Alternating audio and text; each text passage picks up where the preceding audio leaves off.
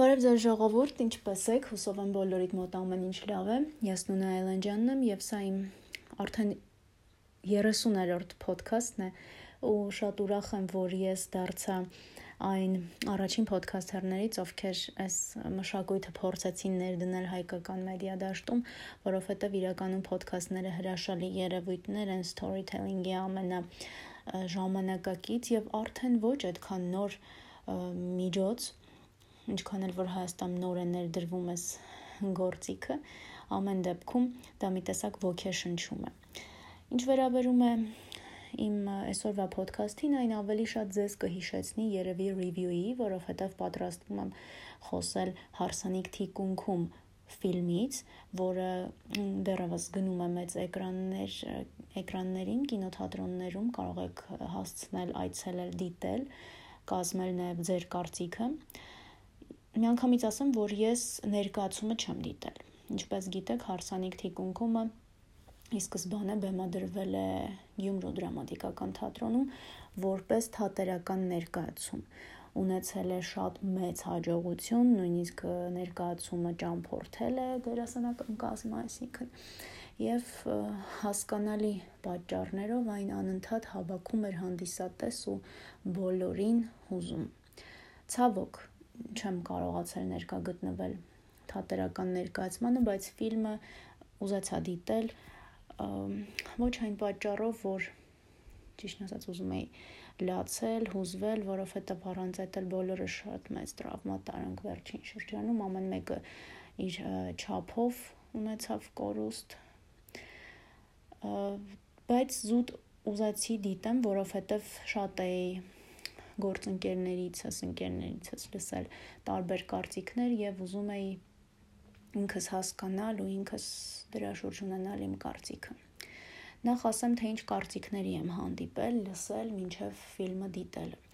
Այն, որ շատ հուզիչ է ֆիլմը, այն, որ լացացնում է, դա բոլորն էին ասում։ Կարծիք է հնչել, որ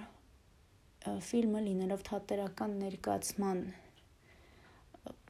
բեմադրություն որպես ֆիլմ, հա, նկարահանված վերսիա ինքը ավելի շատ ոչ թե ֆիլմ է, այլ հերոստա ներկայացում։ Եվ պիտի ասեմ, որ ես այս կարծիքի հետ համաձայն եմ, որովհետև իսկապես երբ իրեն դիտում ես, դու հասկանալի է որ էկրանից ես դիտում, հասկանալի է որ ինքը ֆիլմ է, բայց ինքը ներկայացման ոնց որ remake լինի ու փոխված լինի ավելի շատ հերոստա ներկայացման ինքը որպես ֆիլմ այդքան էլ ֆիլմ չէ այդ տպավորությունը մի տեսակ շատ չես ունենում Հիմա կարող եք հանգիստ լսել այս ոդքասթը, որովհետև ես չեմ պատրաստում սփոյլեր անել ու ասել թե ինչ ոնց եւ այլն։ Ուղղակի ասեմ, սրանք այն կարծիքներն էին, որ ես լսել եի ու ուզում եի ինքս համոզվել։ Մի խոսքով, Հարսանիք Տիկունքում ֆիլմի ռեժիսորն է Արշալույս Հարությունյանը, հրաշալի դերասանական կազմ է հանդես գալիս։ Իհարկե Գյումրվա բարբարով եւ նույնիսկ Սփյուռքում դերակատարներից մեկը Սփյուռքում մեծացած երիտասարդ է։ Իհարկե ինչ որ առումով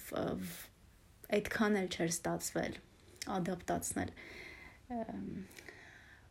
ակցենտը, հա, բայց փորձել էին անել առավելագույնը, կարծում եմ, եւ դա շատ գնահատելի ու ողջունելի էր։ Ինչ վերաբերում է Արշալույս Հարությունյանին որպես ռեժիսոր, ապա պիտի նշեմ, որ երկրորդ անգամ ես հաճելիորեն զարմացա այն առումով, որ ինքը որպես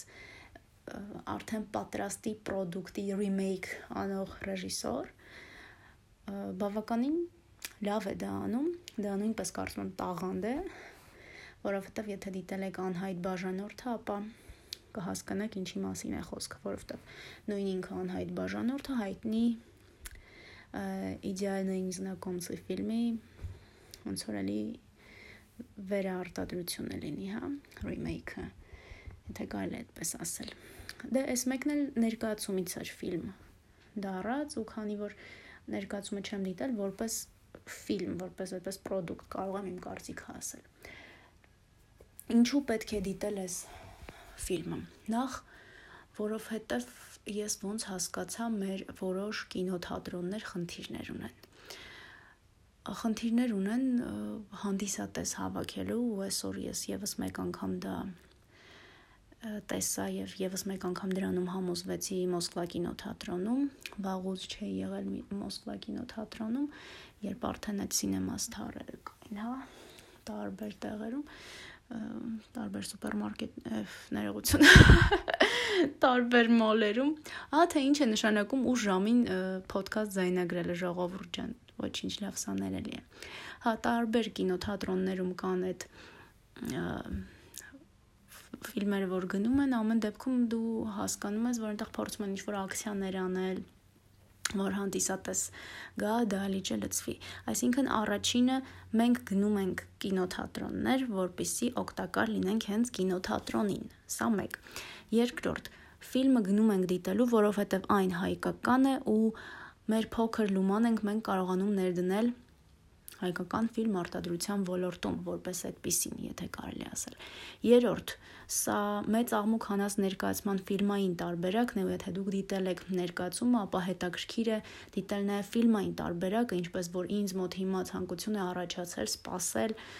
թե երբ է լինելու ներկայացումը, որպեսի ֆիլմից հետո դիտեմ նաև ներկայացումը ու կարծիքս տպավորությունս լինի ամբողջական, հա։ Սա այսպես հաջորդ կետը, որի համաձայն ես խորհուրդ կտայի, որպեսի դիտեիք ֆիլմը, դա այն է, որ ի վերջո ֆիլմը ունի շատ հզոր շեշտադրումներ։ Ինքը այսպես շատ սիրուն ֆիլտրում է մեր հասարակության մեջ արկա մարդկային տեսակներին, պատմություններին, դրվագներին, դեպքերին եւ բերում այսպես սիրուն ցույց է տալիս մեր իրականությունը, ոնց որ էկրաններից մեզ է հրամցնվում ու մենք դիտելով այդ ամեն ինչը, լսելով, տեսնելով նորից ոնց որ sense պարփակվում ենք մեր իրականության մեջ ու հասկանում թե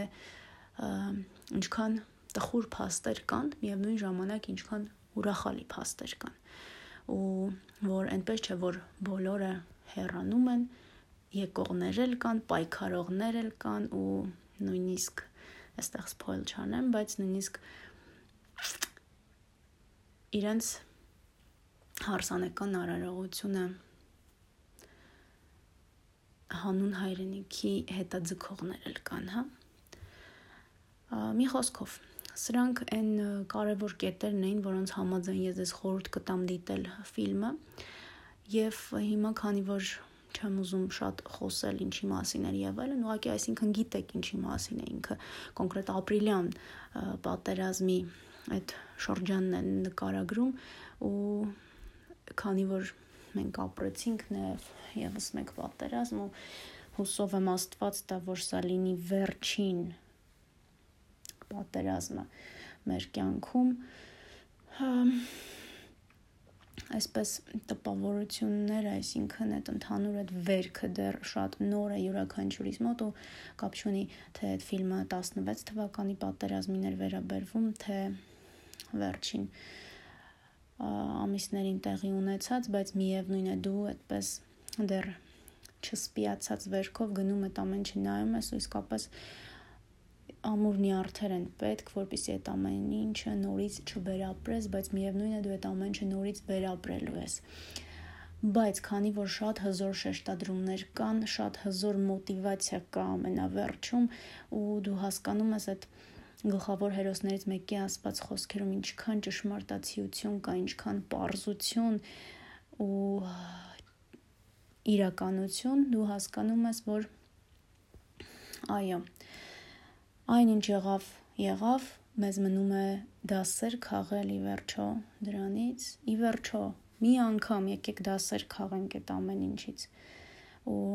հասկանանք թե որողությամբ ենք շարժվում, թե ինչ ենք մենք ուզում ենք, ուզում ենք ի վերջո վերջնականապես կործանվել գրողը տանի, թե ուզում ենք վերջնականապես գոնե մի հատ այսպես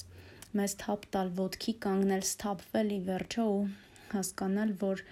մեր քթից այն կողմ գոյություն ունի իրականություն ու որ մենք աշխարհի ամենալավ ազգը չենք, բայց մենք կարող ենք դառնալ, եթե մենք սկսենք փոքր դետալներից նույն է ծխախոտի անտեր գլանակը ոչ թե ծառի տակ գցելուց այլ աղբամանի մեջ ոչ միայն սառույցը մեր շեմից միայն մաքրելով, այլև մի քիչ էլ կողքը մաքրելով, որ հարևանն էլ անցնի։ Այս մանրուքներից եթե սկսենք, հարցը կգա կհասնի նաև այնպիսի մեծ բաների, ինչպիսին է ըստ արժանվույն հայրենիքը պաշտպանել, եղածը գնահատել, շենացնել, գունավորել, որ չունենանք այն ինչ հիմա ունենք։ Այս շեշտադրումն էլ շատ կարևոր, որ վերջում արվում է ու նաև արվում է նույն այդ շեշտադրումը ես չեմ ուզում հիմա ասեմ ինչ է տեղ ասվում, բայց բնականաբար նորից կյանքի, կյանքի շարունակականության, կյանքի անդադար շրջապտույտի մասին է ապրելու մասին է եւ սա շատ կարեւոր է ու այո, բրավո ռեժիսորին, բրավո դերակատարներին նրանց մոտ հաջողվեց դա շատ པարզ ձևով առանց պաթոսի եւ ավելորդ իզմերի այդ ամեն ինչը հասցնել հանդիսատեսին, դիտողներին։ Դրա համար շնորհակալություն։ Դե ինչ, ասեմ, որ այսօր էլ տեսա, թե ինչքան շատ հանդիսատես էր հավաքվել ֆիլմը դիտելու, կարծում հաջորդը կարող եք լինել դուք,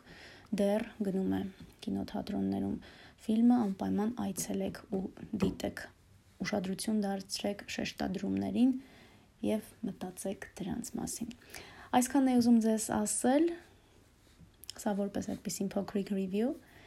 podcast-ի շրջանակում ձեզ մաղթում եմ լավատեսություն, առողջություն եւ արդեն կհանդիպենք իմ մյուս podcast-ի շրջանակում։ Ես նունեն եմ, ցտեսություն։